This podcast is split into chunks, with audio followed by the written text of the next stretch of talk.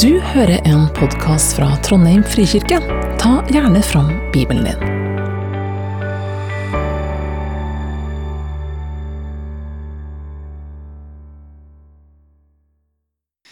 Vi skal lese fra Lukas 3, 7-18.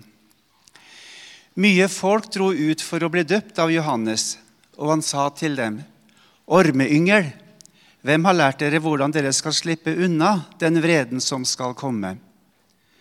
Så bær da frukt som svarer til omvendelsen. Og begynn ikke å si til dere selv, vi har Abraham til far. For jeg sier dere, Gud kan reise han opp barn for Abraham av disse steinene. Øksen ligger allerede ved roten av trærne. Hvert tre som ikke bærer god frukt, blir hugget ned og kastet på ilden. Hva skal vi da gjøre? spurte folk. Han svarte, Den som har to kjortler, skal dele med den som ikke har noen, og den som har mat, skal gjøre det samme. Det kom også noen tollere for å bli døpt, og de sa til ham, Mester, hva skal vi gjøre? Krev ikke, mer, krev ikke inn mer enn det som er fastsatt, svarte han. Også noen soldater spurte ham, hva skal vi så gjøre? Og, han sa, og til dem sa han, press ikke penger av noen ved vold eller falske anklager, men nøy dere med lønnen deres. Folket gikk nå med forventning, og alle tenkte i sitt stille sinn at Johannes kanskje var Messias. Da tok Johannes til orde og sa til dem alle.: Jeg døper dere med vann, men det kommer en som er sterkere enn jeg, og jeg er ikke verdig til å løse sandalremmen hans. Han skal døpe dere med Den hellige ånd og ild. Han har, kastet, han har kasteskovlen i hånden for å rense kornet på treskeplassen. Hveten skal han samle i låven sin, men agnene skal han brenne opp med en ild som aldri slukner. Dette og mye annet la han folket på sinne når han forkynte budskapet for dem.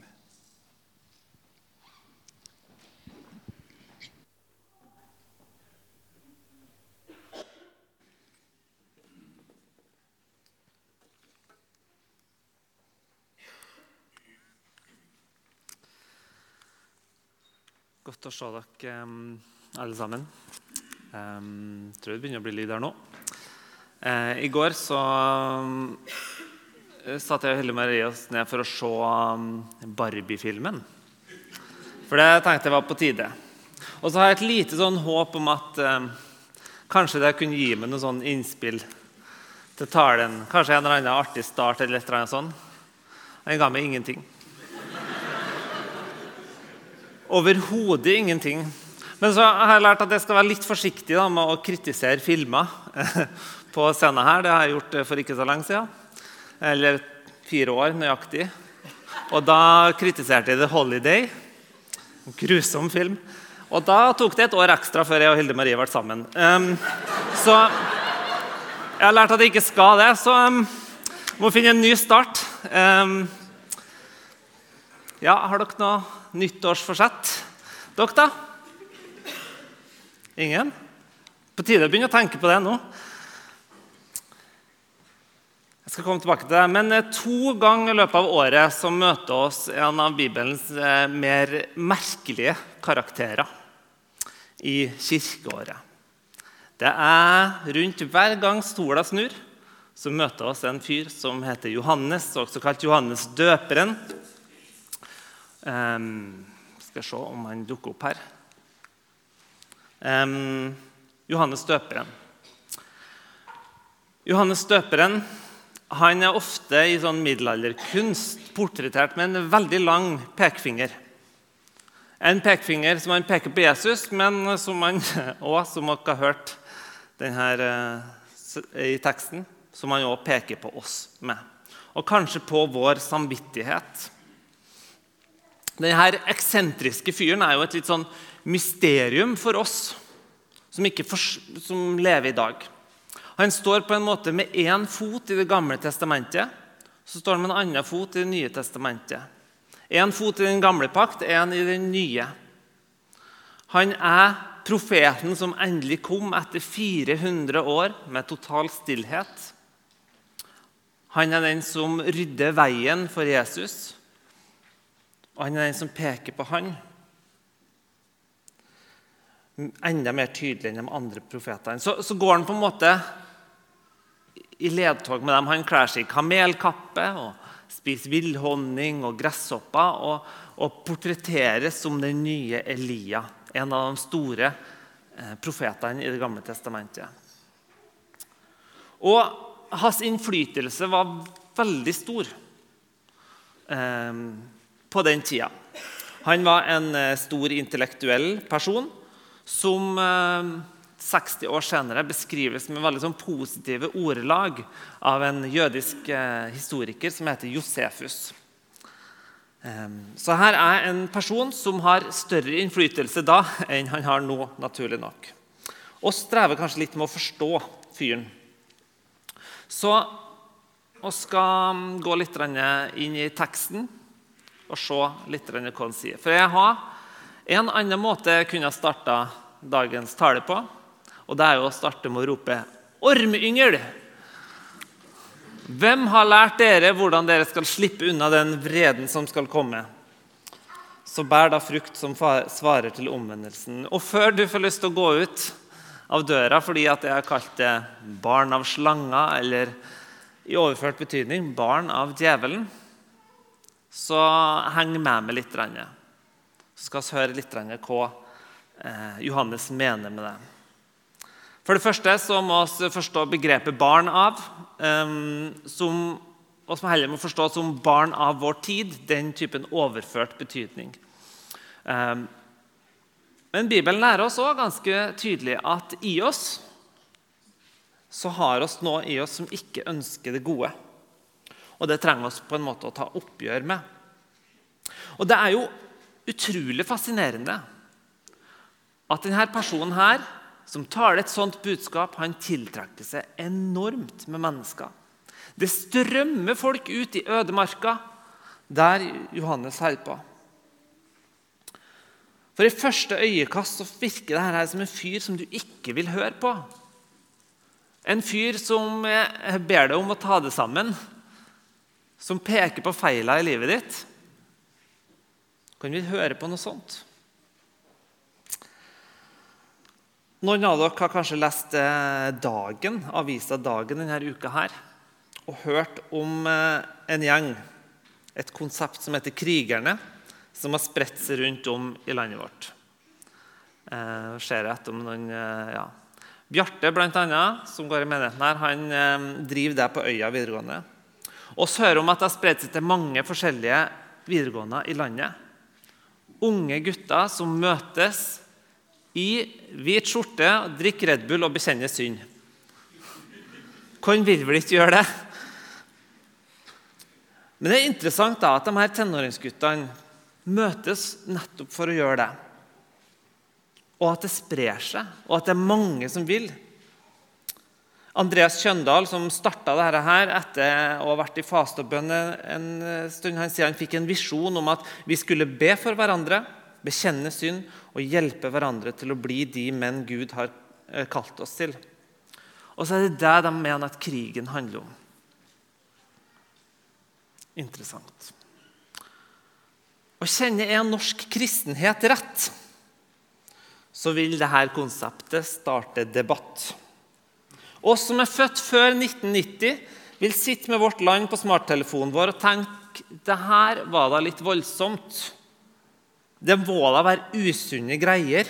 Krigerne. Har ikke oss nok krig i verden? Akkurat det samme som skjedde når en gjeng ungdommer har lyst til å, å samle titusenvis av folk på Telenor Arena for Descend for å overgi seg sjøl på nytt til Jesus, for å starte en bevegelse av misjon, så kommer kritikken.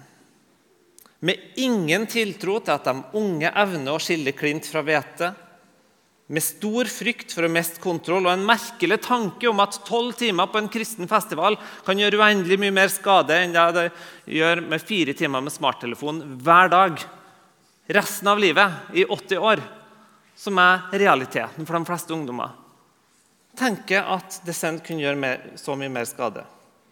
For øvrig så tilsvarer fire timer på smarttelefon 13 år og fire måneder av livet ditt. Så du kan jo sjekke sjekke skjermtida di når du kommer hjem. Um, men for mange i min generasjon oppover så tror jeg det her, at dette utfordrer oss. Fordi, iallfall husker jeg det fra min tid, at en av mine viktigste misjoner i livet var å avlyse myten om at det fins noen som er superkristen. Det kom kanskje folk og sa «Hei, er du sånn superkristen. Og jeg bare nei! Iallfall ikke. Det er ikke noe som heter det. Og det beste komplimentet en kunne få, var 'Hæ? Er du kristen?' Det har jeg aldri trodd. Det var liksom det beste komplimentet jeg kunne få. Det å gå i kirka var bare som en sånn hvilken som helst annen fritidsaktivitet som du har i tillegg til det vanlige livet ditt. Jeg er jo frelst. Jeg behøver jo ikke alt det andre loviskheten alt det andre greiene som følger med på lasset. Men hvis det er et spørsmål er et liv der trua ikke får noen konsekvenser for prioriteringene mine, et liv med tiltro til Jesus? Har jeg da tro på at det Jesus kommer med, er gode nyheter? Magnus Malm forsøker i boka si som heter 'Som, Gud, som om Gud ikke finnes', å gi en beskrivelse av skandinavisk eh, kirkeliv. Og Han forsøker å beskrive de her tankene ut ifra at det er ganske mange av oss som har erfart at uh, livet med Gud ikke ble sånn som oss har sett for oss. Det var ikke så lett å få bønnesvar, sånn som han taleren lovde på den kristne ungdomsfestivalen. Det var ikke så godt å komme inn i det kristne fellesskapet som svikta den gangen du var ned. Eller det var ikke så fint å møte ei bestemor som syntes at du kledde deg altfor ukristelig når du bare forsøkte å finne ut hvem du var med miniskjørt, nettingstrømper og ørevarmere. Og så skaper det sår, og så må oss mennesker alltid prøve å finne ut da, hva gjør oss med de såra, denne smerten vår. Og, og da går oss gjerne inn i kynismen. Magnus Malmann sier at kynisme er et enkelt og billig forsvar mot det som har såret oss i livet. I sin groveste form gir den utslag i raljerende sjargong, grove vitser, drittsnakk om mennesker og miljøer. I sin mer sofistikerte form møter vi den såkalte realismen, som har gitt avkall på alle forventninger, kvalt all hengivelse og nå har nådd et mer modent stadium. Er det her det? Jeg kan iallfall kjenne meg litt igjen i det innimellom. Og jeg, jeg tror at uh, bilen min driver og minner meg på ting for tida. Fordi den husker aldri hvilken radiokanal jeg var på. Så den starter hver gang jeg starter den opp, så starter den på kanalen P3. Ikke P2, men PTRO. En kristen radiokanal. Eh, kanskje ikke lagd for min generasjon, først og fremst. Eh, men jeg merker veldig fort hvor lett jeg blir sånn kritisk og sitter og bare sånn Ja, det var noe litt det var nå litt enkel forkynnelse om korset, kanskje. Det var noe litt sånn ubalansert i forhold til bønn og bønnesvar og sånn. Og så får jeg lyst til å avskrive hele, tiden, hele greia, for det, det, blir litt, det, blir litt, for ivrig. Det er jo ikke sånn livet er, tenker jeg.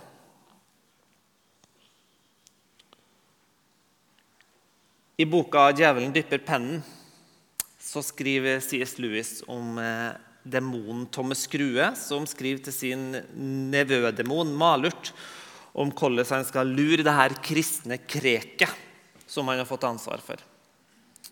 Så da sier Thomas Skrue kan du ikke da overbevise ham om at hans religiøse stadium holder på å dø bort, på samme måte som alle de tidligere stadiene han har gått gjennom? Bare ordet 'stadium' vil sannsynligvis være nok til å føre ham bak lyset. Jeg går ut fra at Kreket har gått gjennom flere slike før. Det har de alle sammen.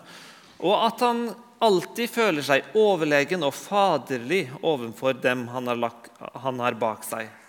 Ikke fordi han virkelig har gransket dem kritisk, men bare fordi de er noe han har lagt bak seg.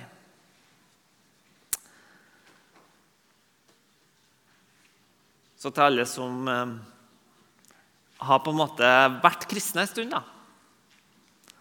Er tida med hengivelse, med overgivelse, med etterfølgelse, er det et stadium du har lagt bak deg?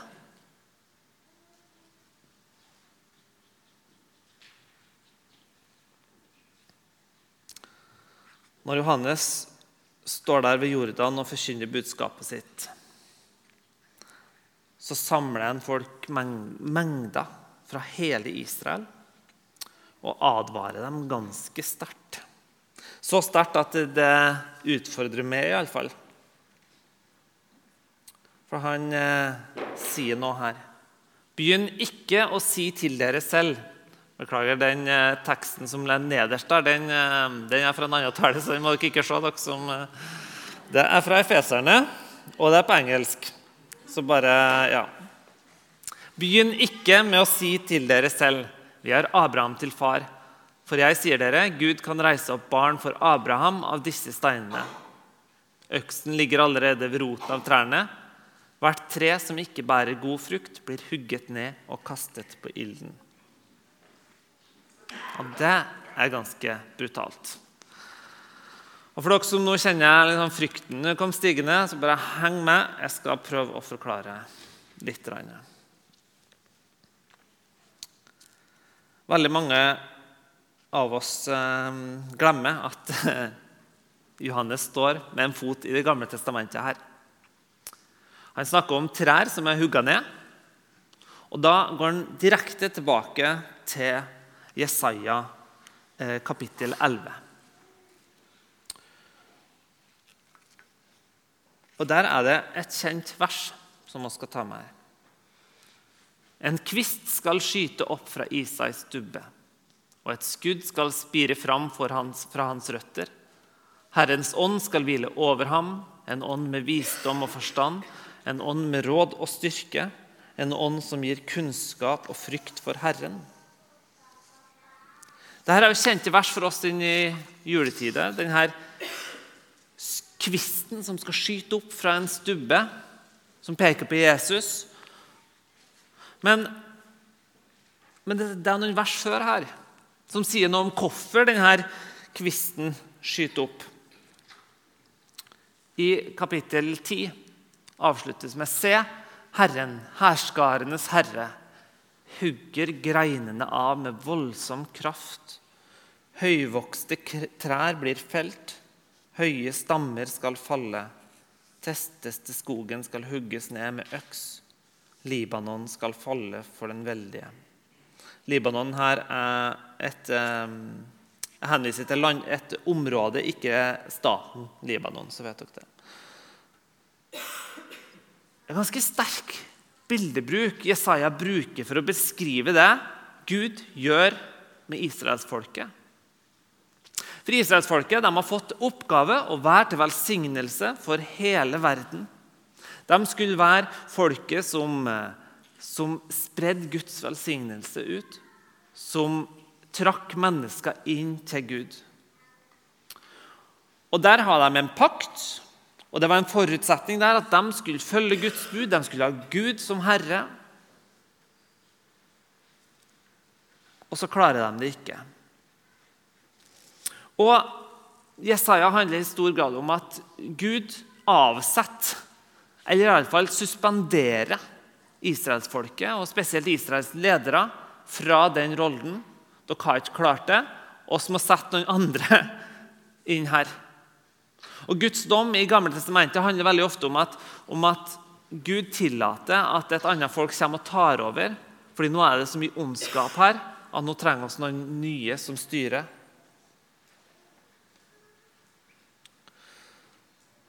Og, men det som vi må huske her, at når et tre hugges ned, så er det kanskje bare halvparten eller en to tredjedel Eller iallfall ikke alt av treet som dør. For treet har igjen en rot. Og I skogbrukstimene på videregående så lærte Terje Engtrø oss om rotskudd. Løvtre har det nemlig sånn at eh, hvis du kapper av treet, så vil det skyte nye skudd opp. Ganske fort. Og det her nye skuddene som skyter opp, de vil ha veldig gode forutsetninger. For de har rotsystemet til et veldig stort tre å bygge på. For rot, Selv om stammen kanskje er full av råte, og alt mulig sånn, så den må hugges ned, så kan det vokse fram noe nytt med det gamle rotsystemet, for det er fortsatt vitalt og levende. Og På denne måten så kan tre leve i mange tusen år med det samme rotsystemet, men kanskje en ny stamme som dukker opp.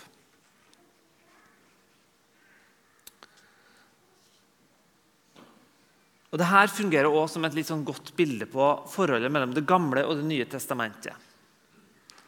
Det gamle testamentets tre er på en måte hugd ned.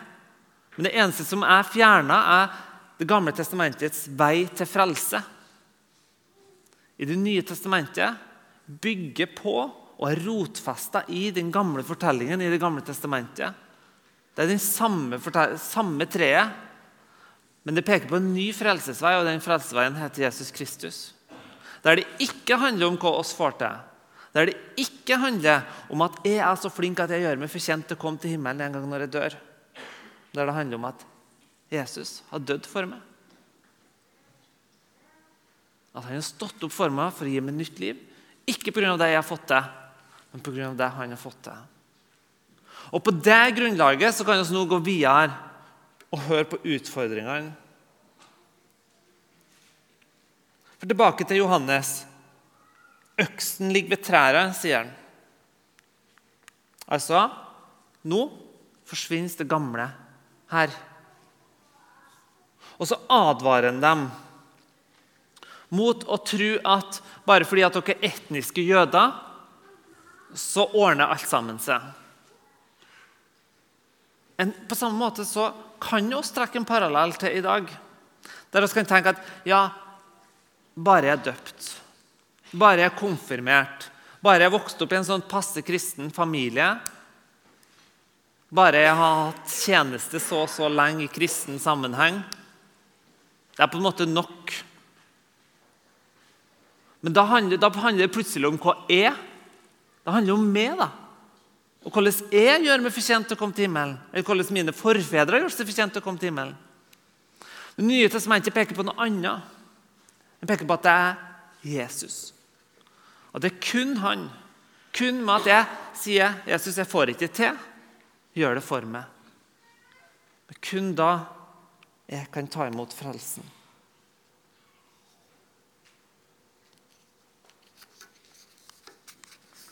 Og så hører vi mange tekster i Nye testamentet som advarer mot at oss, om at vi bare blir fornøyd der oss er. Og det er å leve livet sammen med Jesus. Og vise tiltro ikke bare i hva vi tenker, og hva vi på en måte kognitivt kan tro, men også hvordan vi lever. At trua får betydning for hele kroppen. Jeg håper utsagnet til Johannes utfordrer. Det utfordrer iallfall meg. Og eh, reaksjonen på Johannes' forkynnelse vil møte mange forskjellige her i dag. Noen vil protestere og finne motargument, noen blir ekstra tent. Mens noen vil slå øynene ned og kjenne på at de ikke makter å være kristen. Jeg håper dere kan bli med meg videre, alle sammen. fordi oss må høre litt hva, hva er det da Johannes utfordrer dem til?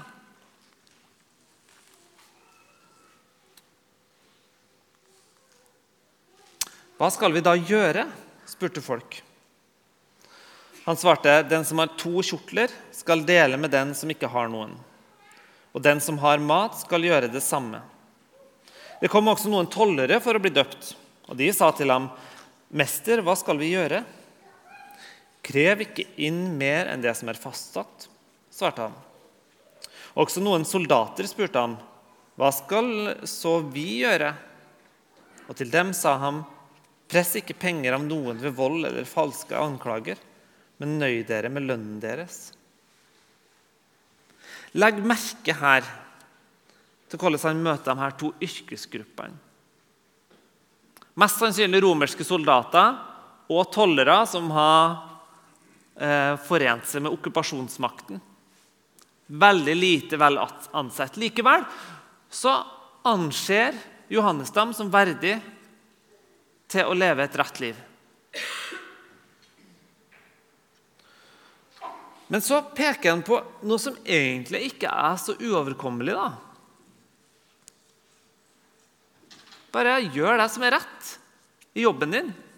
Gjør en skikkelig god jobb. Og, og kanskje kan det utfordre oss litt òg, som, som tenker at jobben er på en måte noe som har på sida. Men det å, i, i, det kristne livet så er jobben, de timene du er på jobb eller i, eh, på studier, eller noe sånt, det er en del av der du kan følge Jesus.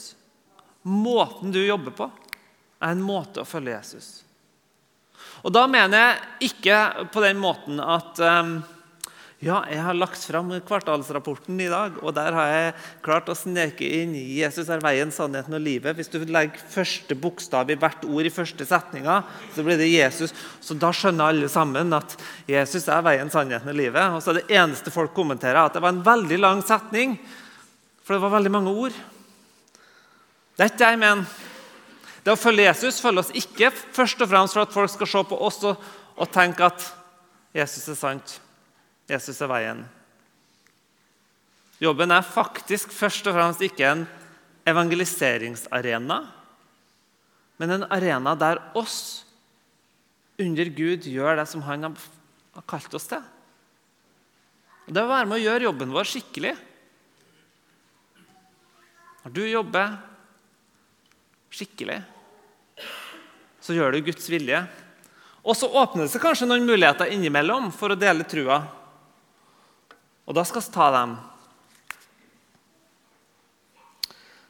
God yrkesetikk, rett og slett. Men òg i hjemmet, i kollektivet med familie og venner, så er dette her noe som oss kan utfordres av.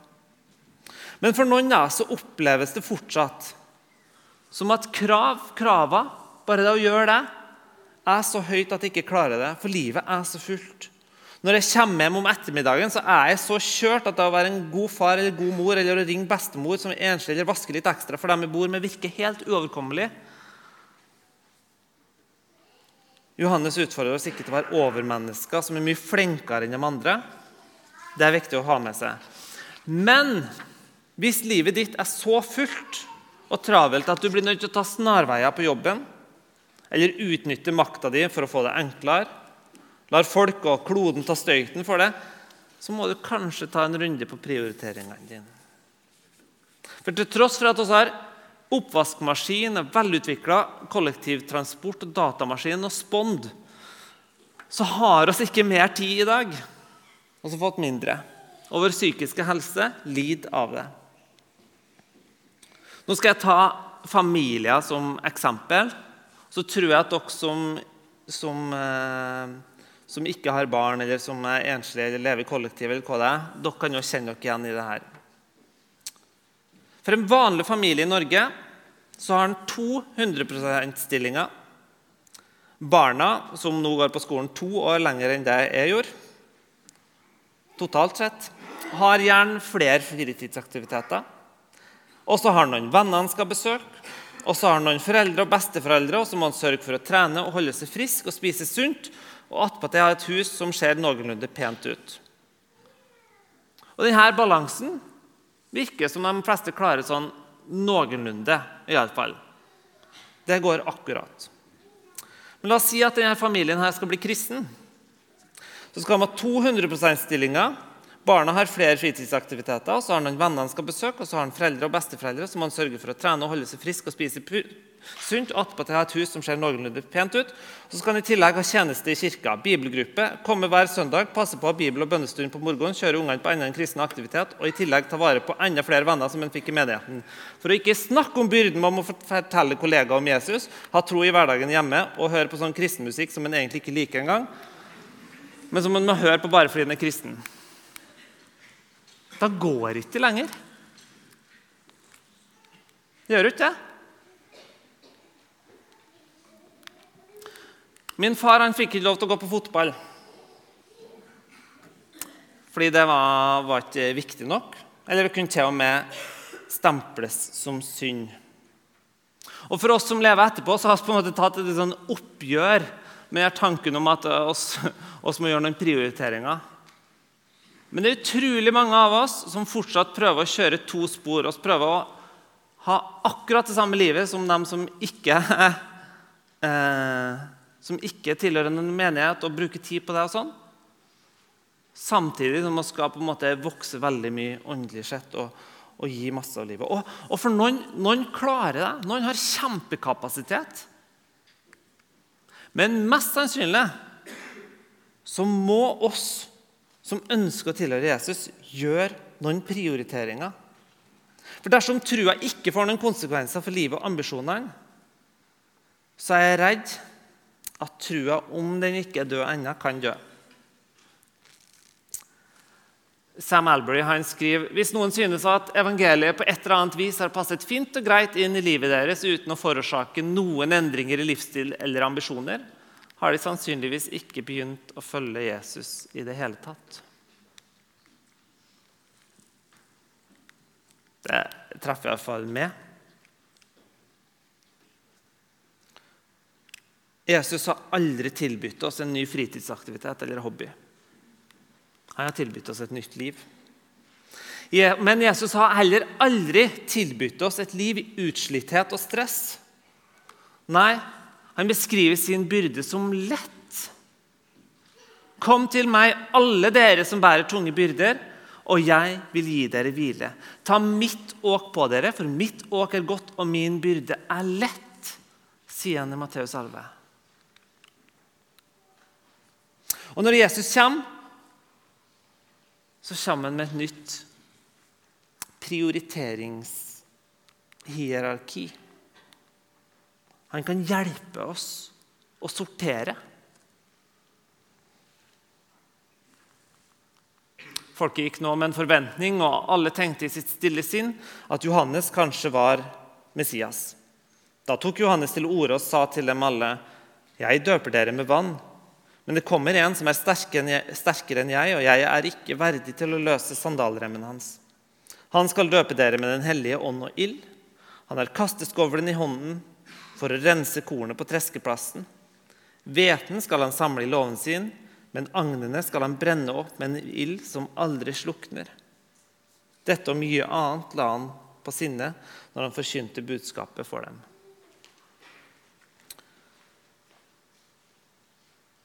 Når folk hører om de her agnene og korn, og alt mulig sånn, så tenker de veldig fort på åh, nå må jeg passe meg, for nå, hvis, hvis jeg ikke skjerper meg, sånn, så, så, havner jeg i helvete. altså. Og Da må jeg hjelpe oss litt inn i konteksten her. For Det fins tekster der, der, Jesus advarer om, om, to veier, og alt mulig sånn, men, men, men jeg tror ikke det er det som er målet her. For Når Jesus snakker om, om to veier, snakker han om geitene og eh, sauene og alt mulig sånn. Um, men, men det er ikke det han gjør her nå. Fordi det er nemlig en dom som ikke foregår i framtida, men som på sett og vis foregår her og nå. Når oss åpner oss for å slippe Jesus til inn i livet vårt, så kan han hjelpe oss med å sortere noe. Det hebraiske ordet for å dom er det samme ordet som å skille. Skille det som er godt, fra det som ikke er så godt. Og så bruker han et bilde fra dagliglivet, da, fra kornhøsten. De pleide å samle kornet, legge det på bakken, kappe det opp i småbiter, og så rulla de ting over det. Og På den måten så skiltes kjernen ut fra kornet og akset og alt mulig sånn. Og så fikk Og så kunne de da etterpå ta og rense det ut og få kornet.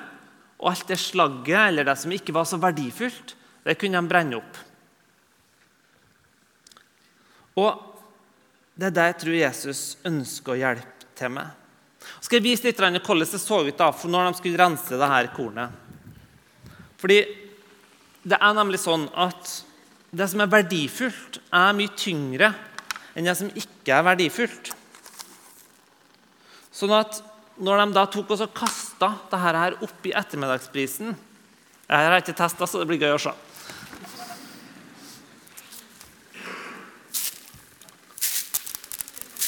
Så ble kornet igjen i bunnen, mens alt slagget det bare blas av gårde.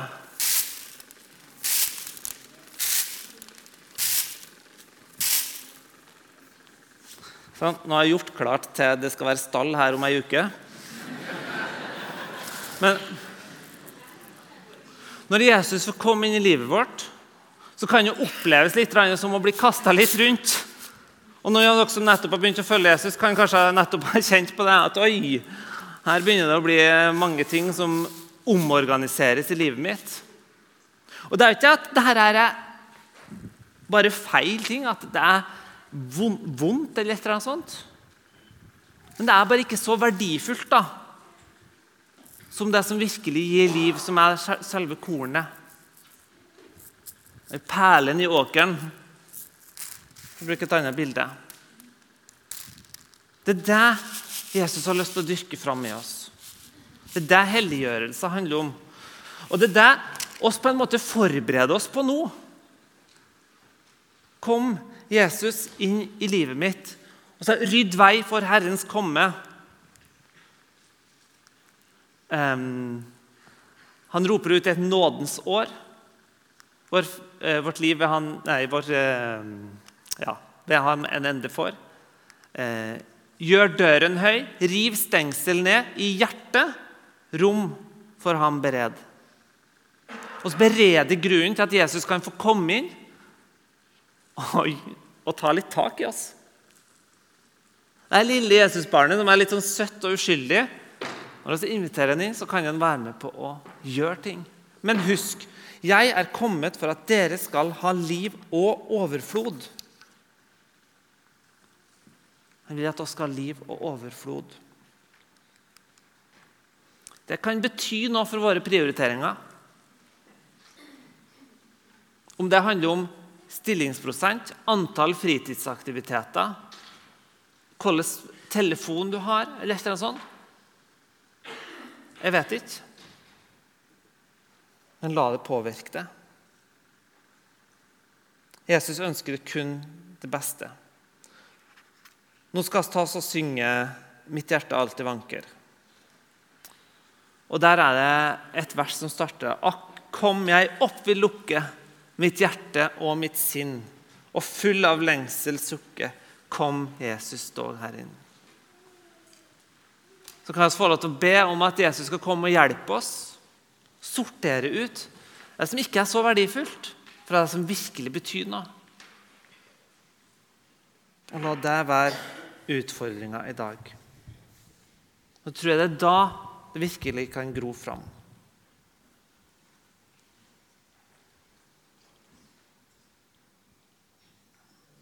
La oss be. Herre, jeg takker for at um, oss ikke kan gjøre oss fortjent til å komme inn i ditt rike, men at du har, ved din døde oppstandelse har gjort veien mulig for oss. Så ber jeg Herre om at oss klarer i denne tida framover nå om å åpne hjertene våre. La du få hjelpe oss i våre prioriteringer.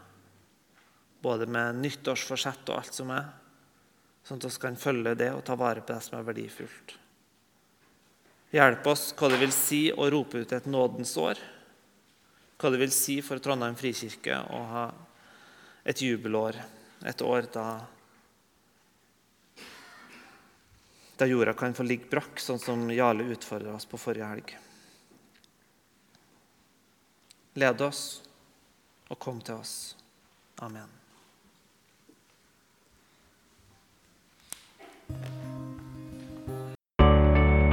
For at du hørte på.